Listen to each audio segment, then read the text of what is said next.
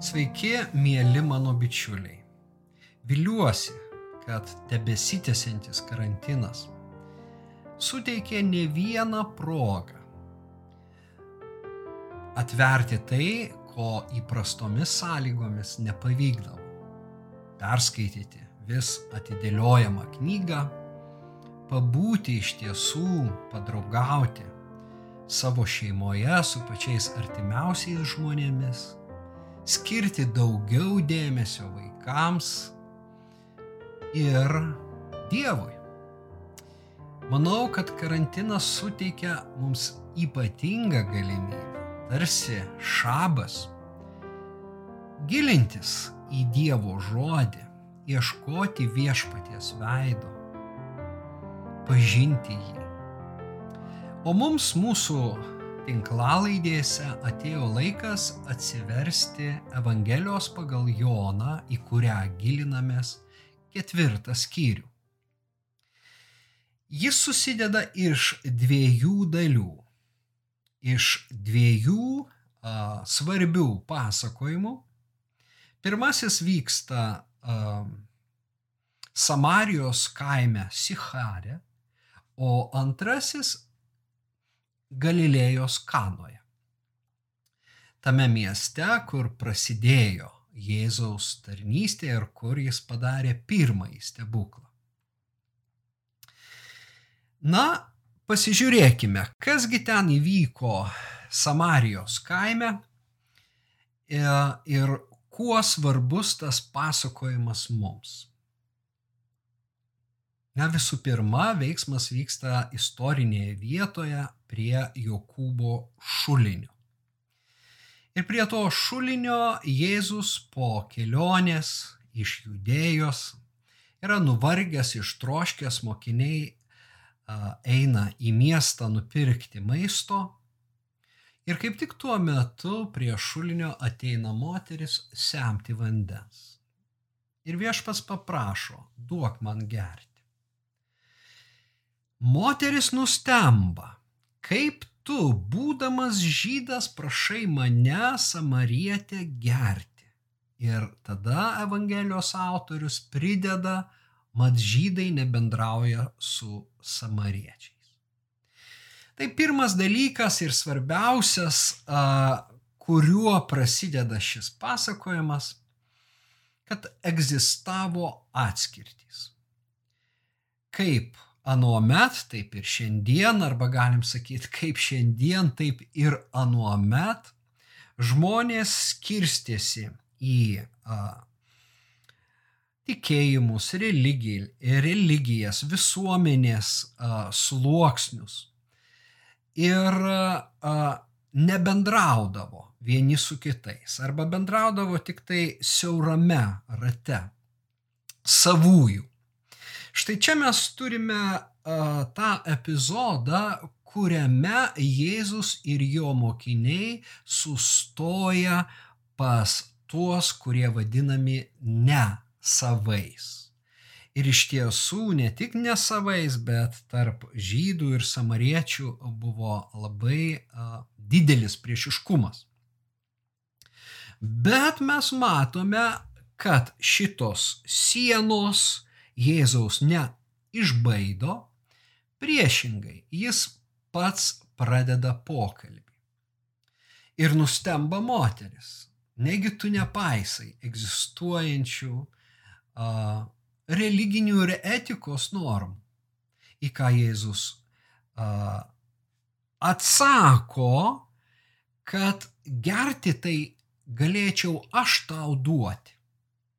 Žodžiu, na, mes regime Jėzų kviečianti tą moterį į dvasinę kelionę ir tas jo, na, kaip žmogaus troškulys tampa pretekstu atskleisti savo tapatybę. Iš tiesų, šio pokalbio metu pirmą kartą Jėzus žmogui atskleidžia, kas jis yra. Gal tu Kristus nuskambės moters žodžiai. Arba kas tas Kristus? Aš tas, kuris kalbu su tavimi. Prieš tai mes skaitėme, kad Jėzus nepatikėdavo savęs žmonėms. Jis negalėjo, jis žinodamas, kas yra kiekviename žmoguje, savęs žmonėms jis nepatikėdavo. O štai šitai moteriai jis nusprendžia save patikėti, atverti, kas jis esas. Kodėl? Na, tuoj pamatysime. Bet keli žodžiai apie tas atskirtis.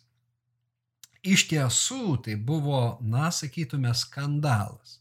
Žydui vyrui draugiškai šnekučiuotis su o, samarietė moterimi. Na, apskritai to meto papročiai, pavyzdžiui, leisdavo judėjui atleisti savo žmoną, jeigu jam praneždavo, kad ji šnekučiavosi viešoj vietu su kažkokiu tai vyru. Mokiniai nustemba, kai jie sugrįžta iš miesto, pamatė Jėzų besišnekučiuojantį su moteriu. Juolab, kad pokalbio metu paaiškėja, kad a, ta moteris nėra tik tai a, tautybė kitokia, bet jinai a, savo moralę yra kitokia. Paaiškėja, na tai atveria Jėzus Nes kai moteris atsiliepia į tą Jėzaus jau, na, pažadą, kad jis gali suteikti jai gerti gyvojo vandens, kurį gerdama jį nebetrokš, jinai užsinori. Nes regis ta moteris iš tiesų trokšta dvasinių dalykų. Iš tiesų jinai yra ištroškusi Dievo, tikrumo, gerumo, meilės. Ir uh, tai taip nuostabu, kad būtent toks žmogus uh, ateina tą valandą prie šulinio, kur yra Jėzus. Ir Jėzus sako, gerai aš duosiu, bet eik atsivesk savo vyrą. Nes iš tiesų vėlgi tai sąlygoja tuo metu papročiai, norint įteikti kažką, turi būti daugiau liudytojo. Kur tavo vyras? na, aš neturiu vyro. Ir čia Jėzus atveria. Jis viską žino apie kiekvieną žmogų. Taip, čia tu tiesą pasakėjai. Tu turėjai penkis vyrus. Ir dabartinis, su kuriuo gyveni, nėra tavo vyras. Štai mes sužinome, na, apie tą moterį labai daug. Ir tada a, greičiausiai paaiškėja, kodėl ji prie šulinio atėjo viena. Nes paprastai moteris eidavo draugijoje semtis vandens. Ir tai mes skaitome Senojo testamento metu ne kartą prie šulinio tas pats Jokūbas uh, sutiko, na, Rachelę ir uh, moteris, kurios se, se, semdavosi vandenį, tai uh, iš tiesų ne vienoje istorijoje Mozė irgi sutinka savo a, būsimąją žmoną prie šulinio, bet tai yra jau kita tema, aš jos a, čia šį kartą neberutuliosiu, nes esu apie tai kalbėjęs ir kam įdomu, galite iš tiesų perklausyti mano tinklalaidę Jėzus ir jo sužadėtinė. Ir daugiau sužinosite štai apie tą, na, istorinį biblinį kontekstą, kuris šiaip jau išmaniam skaitytojui sufleruoja, kad galbūt ir Jėzus čia sutinka savo išrinktąją. Ir iš tiesų Jonas na, kažkur tą mintį turi, jisai nori parodyti, kad būtent štai tokia a, moteris, kurios regis gėdijasi a, to kaimo a, bendruomenė arba, na, ant tos kilming, kilmingesnės to kaimo moteris, kalbasi čia su Jėzumi ir Jėzus jos neatstumia. Taigi pirmasis va šitas, na, labai svarbus dalykas, kurį mes turime įsisamoninti, kad nėra žmogaus, kurį Dievas atstumtų. Nėra a, nusidėlio, kurio Jėzus nenorėtų apglėpti, priimti. Nėra nuodėmės, kurios Dievas negalėtų atleisti. Apskritai nėra nieko, kas galėtų žmogui sutrukdyti būti, gyventi a, su Dievu, apart nenoras ateiti pas jį. Užsidarimas tuo met, kai jis prabyla. Nusigrėžimas nuo jo. Štai čia mes regime tą žmogų, kuris vertinant to laikmečio socialiniais, moraliniais standartais yra visai netinkamas Dievui. Ir religiniais, nes pokalbio metu jie aiškinasi ir teologinius tikėjimo klausimus ir kaip ir kiti samariečiai šita moteris na, neteisingai įsivaizduoja išgelbėjimą. Yra kažką girdėjusi apie gelbėtoją, kuris ateis. Tačiau, na, didžioji jos tikėjimo dalis nėra teisinga ir pas Jėzus pasako, ne, neteisybė, išgelbėjimas ateina iš žydų, ne iš samariečių. Ir iš tiesų štai pats gelbėtojas stovi prieš ją. Bet žiūrint tais standartais, iš tiesų ta moteris yra atmestina kaip samarietė. Jis atmestina kaip a, moteris, kuri turėjo tiek vyrų. Na, galbūt tie vyrai visi pasimirė ir ten nėra jau tos tokios, a, na, jos kalties tame.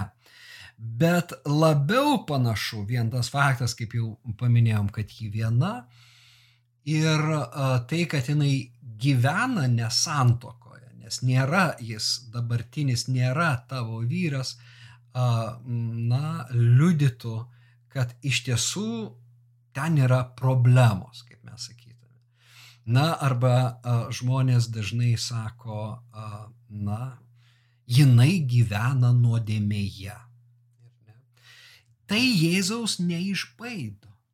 Jis ją kviečia ateiti pas save. Štai šitą, šitą dalyką tarsi mes žinome. Tačiau šioje pasakojimo šviesoje iškyla klausimas, koks mano požiūris į žmonės, kurie gyvena neatitikdami biblinių standartų arba tų šventumo kriterijų, kuriuos krikščionis laiko norminiais. Ar nekeičia tai mūsų santykio į žmogų? Tai pirmas klausimas, kurį mes turime savo užduoti. Nes autorius parodo, kad Jėzus sulaužo tuos standartus. Jis sulaužo, jis masto kitaip.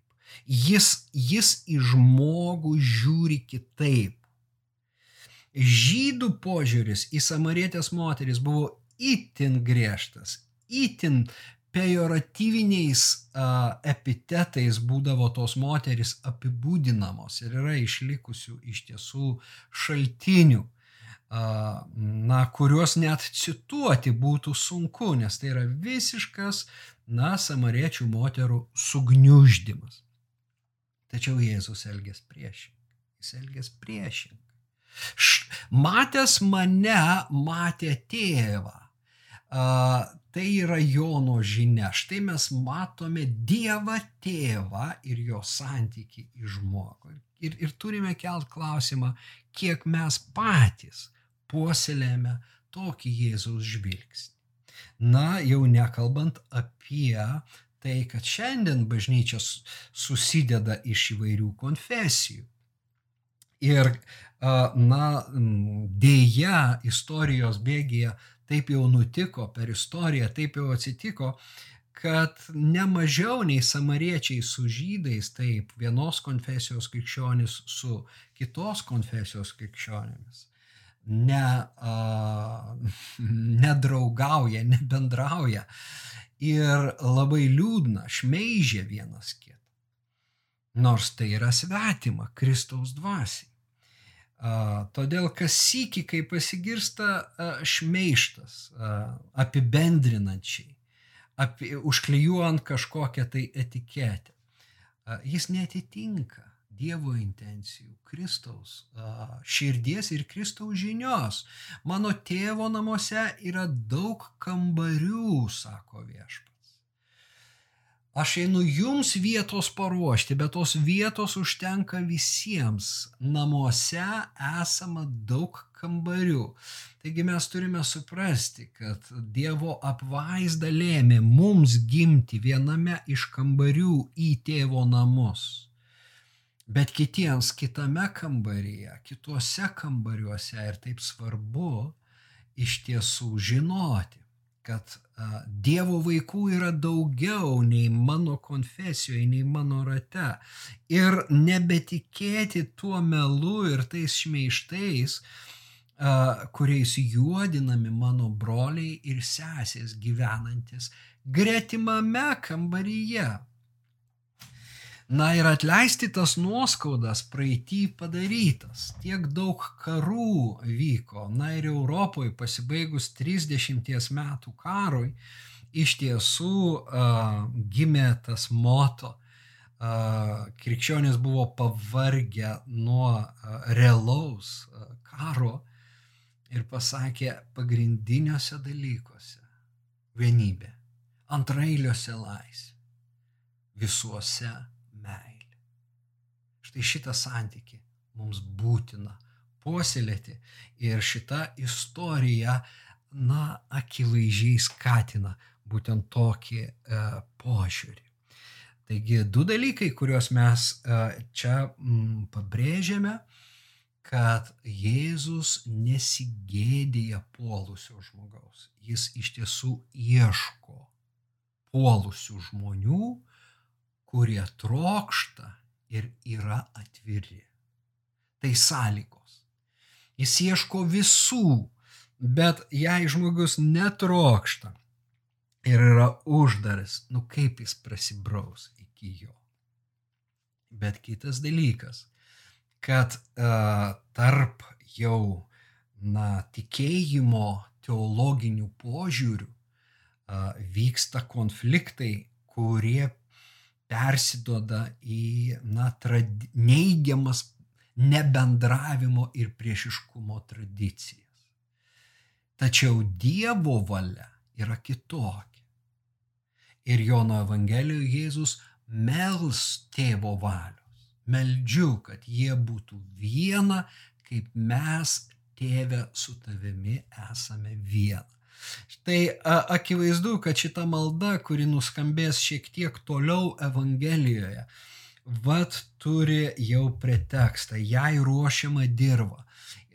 Jonas parodo tą priešiškumą, parodo kitokį Jėzaus sprendimą visame tame kontekste ir tada jis meldžia Dievo vienybės.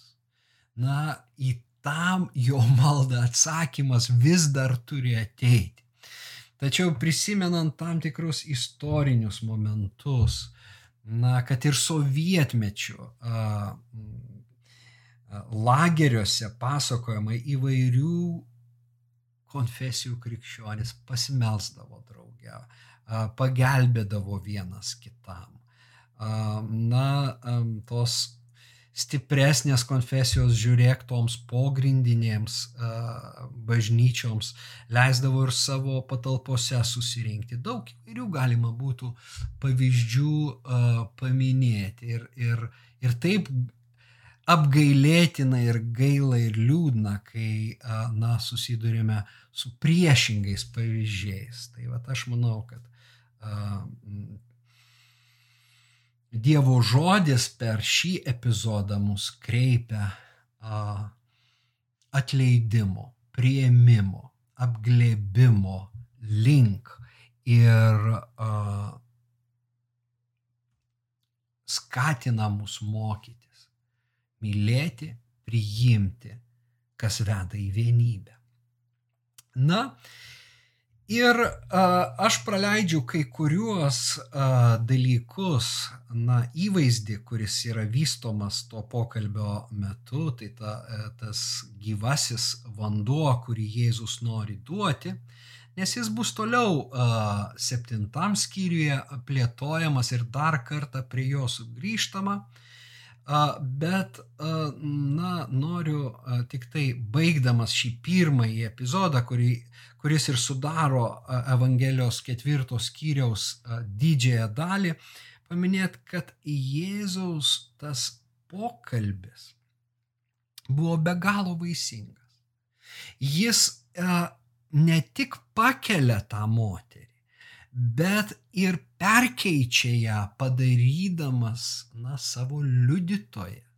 Jinai grįžta į kaimą, liudyja, žmonės išeina pas jį ir tada prašo pasilik pas mus. Ir Jėzus pasilieka dar porą dienų ir tada dar daugiau žmonių įtiki ir sako tai moteriai dabar ne dėl tavo žodžių tikime, bet patys mes įsitikinome, kad šis yra pasaulio gelbėtojas. Labai stipru. Mes patys patyrėme, įsitikinome, kad Jėzus Kristus yra gelbėtojas. Ir iškart po to pasakojimas tęsiasi. Po dviejų dienų, na, Jėzui reikia a, grįžti į Galilėją. Ir čia mes turime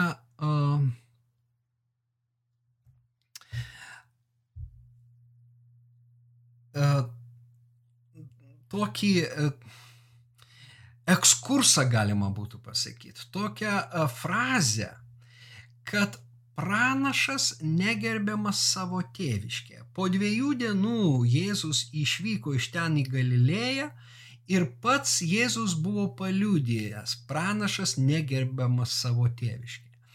Ir biblistai vat sprendžia tą klausimą, kodėl Jonas prisimena šioje vietoje Jėzaus žodžius. Sinoptinėse evangelijose šita frazė Jėzaus lūpose nuskamba visai e, kitoje vietoje, kitame kontekste, e, na, Nazareto mieste. Ir todėl, na, yra iš tiesų pakankamai sudėtinga mm, tvirtai pasakyti, kodėl dabar autorius prisimena, kad kai jie išvyksta iš Samarijos į Galilėją, kad pranašas negerbiamas savo gimtinėje. Na, ar savo tėviškėje, savo tėvinėje galima būtų, na, irgi pagal graikišką žodį sakyti. Aš manyčiau, kad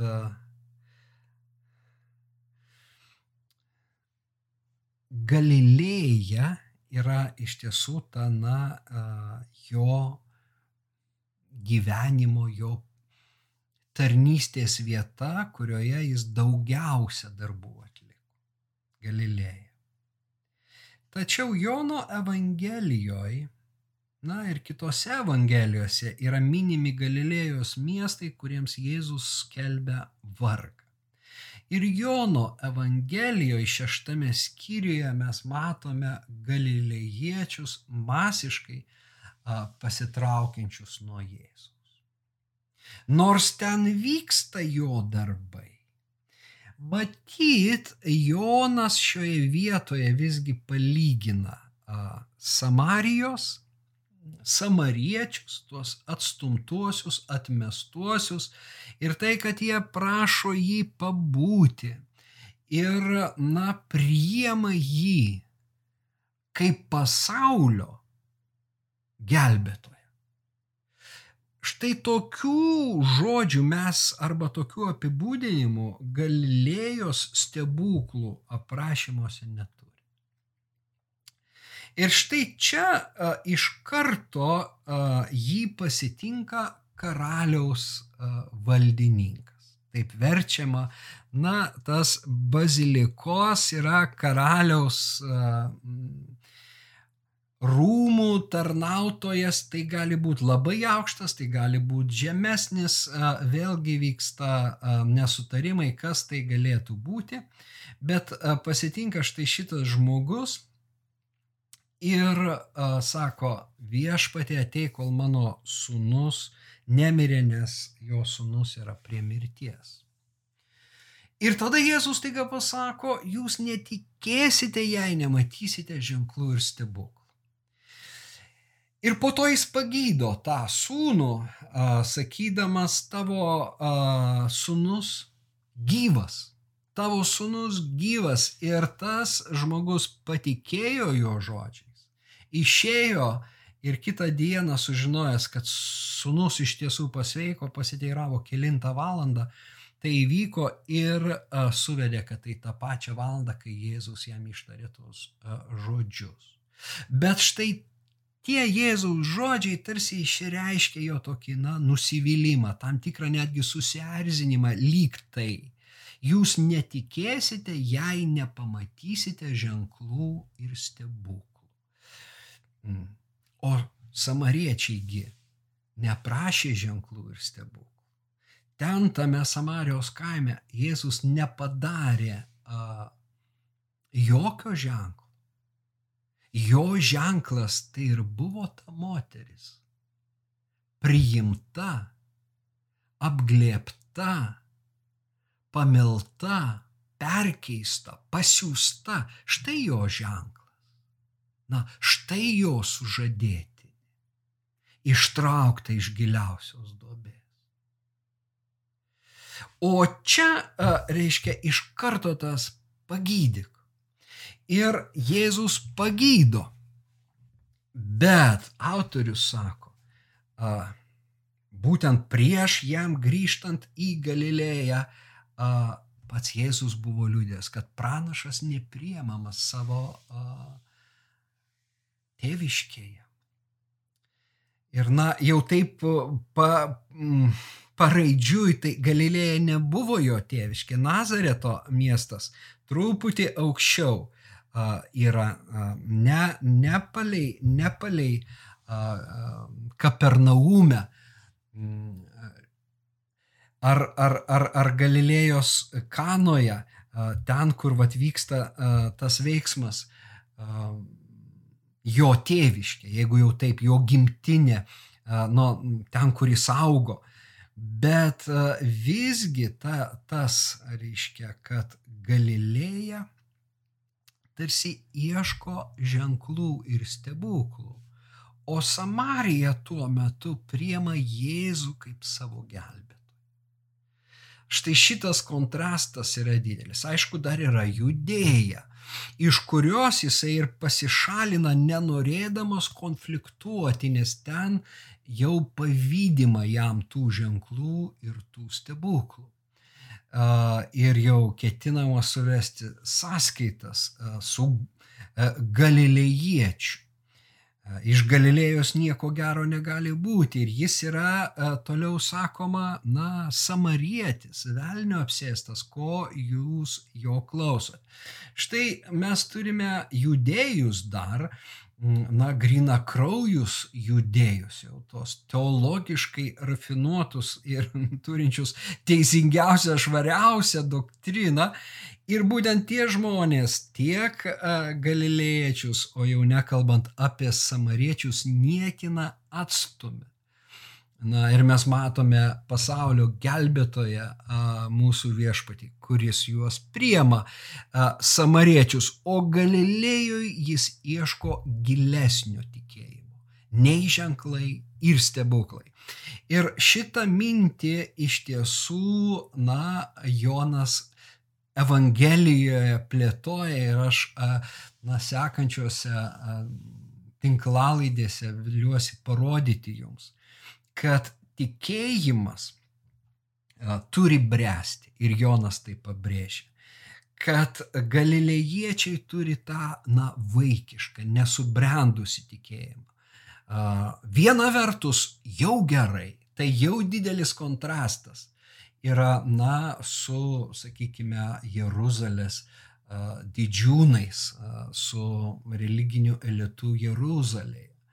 Bet tas vaikiškas, nebrandus, infantiliškas tikėjimas, jis, na, Jėzaus ir jo žinios nepriema iki galo ir atsimuša labai greitai. Kieti šitie žodžiai, kas jų gali klausytis. Na, tai štai tokios yra šių dviejų epizodų pamokos. Na ir užbaigiant galim būtų savo priminti. Ne nuvertinkime tų žmonių, kurie šalia mūsų. Apdovanoti Dievą. Stenkimės išvelgti kiekvieno dovaną. Jai atsiverti, jai padėti aukti, kad negniuždyti, negesinti, bet priešingai tegul skleidžiasi ir bręsta. Bet mes visi turime siekti to tikėjimo, kurį Evangelijos pabaigoje Jėzus kreipdamasis į Tomą dvėjojantį Tomą sako, tu patikėjai, tu įtikėjai, nes pamatėjai. Palaiminti, kurie tiki nematę. Tai vad čia yra ta samariečių kaimo a, pozicija, kuris susilaukia ypatingo Dievo palaiminimo. Todėl, na, džiaukimės Dievo stebuklais, bet tikėkime jų ir neregėdami, dar neturėdami, galbūt laukdami, bet svarbiausia pasitikėdami ir leisdami šaknis į Jėzų kaip į gyvybės medį, kaip į tikrąjį vynmedį. Pasilikime jame kaip tos šakelės, kurios subrandins vaisių Dievo šloviai. Ačiū, kad buvote drauge. Dievo malonės, Dievo ramybės, jo artumo visuose jūsų ir mano keliuose. Ir iki sekančio karto. Sudė.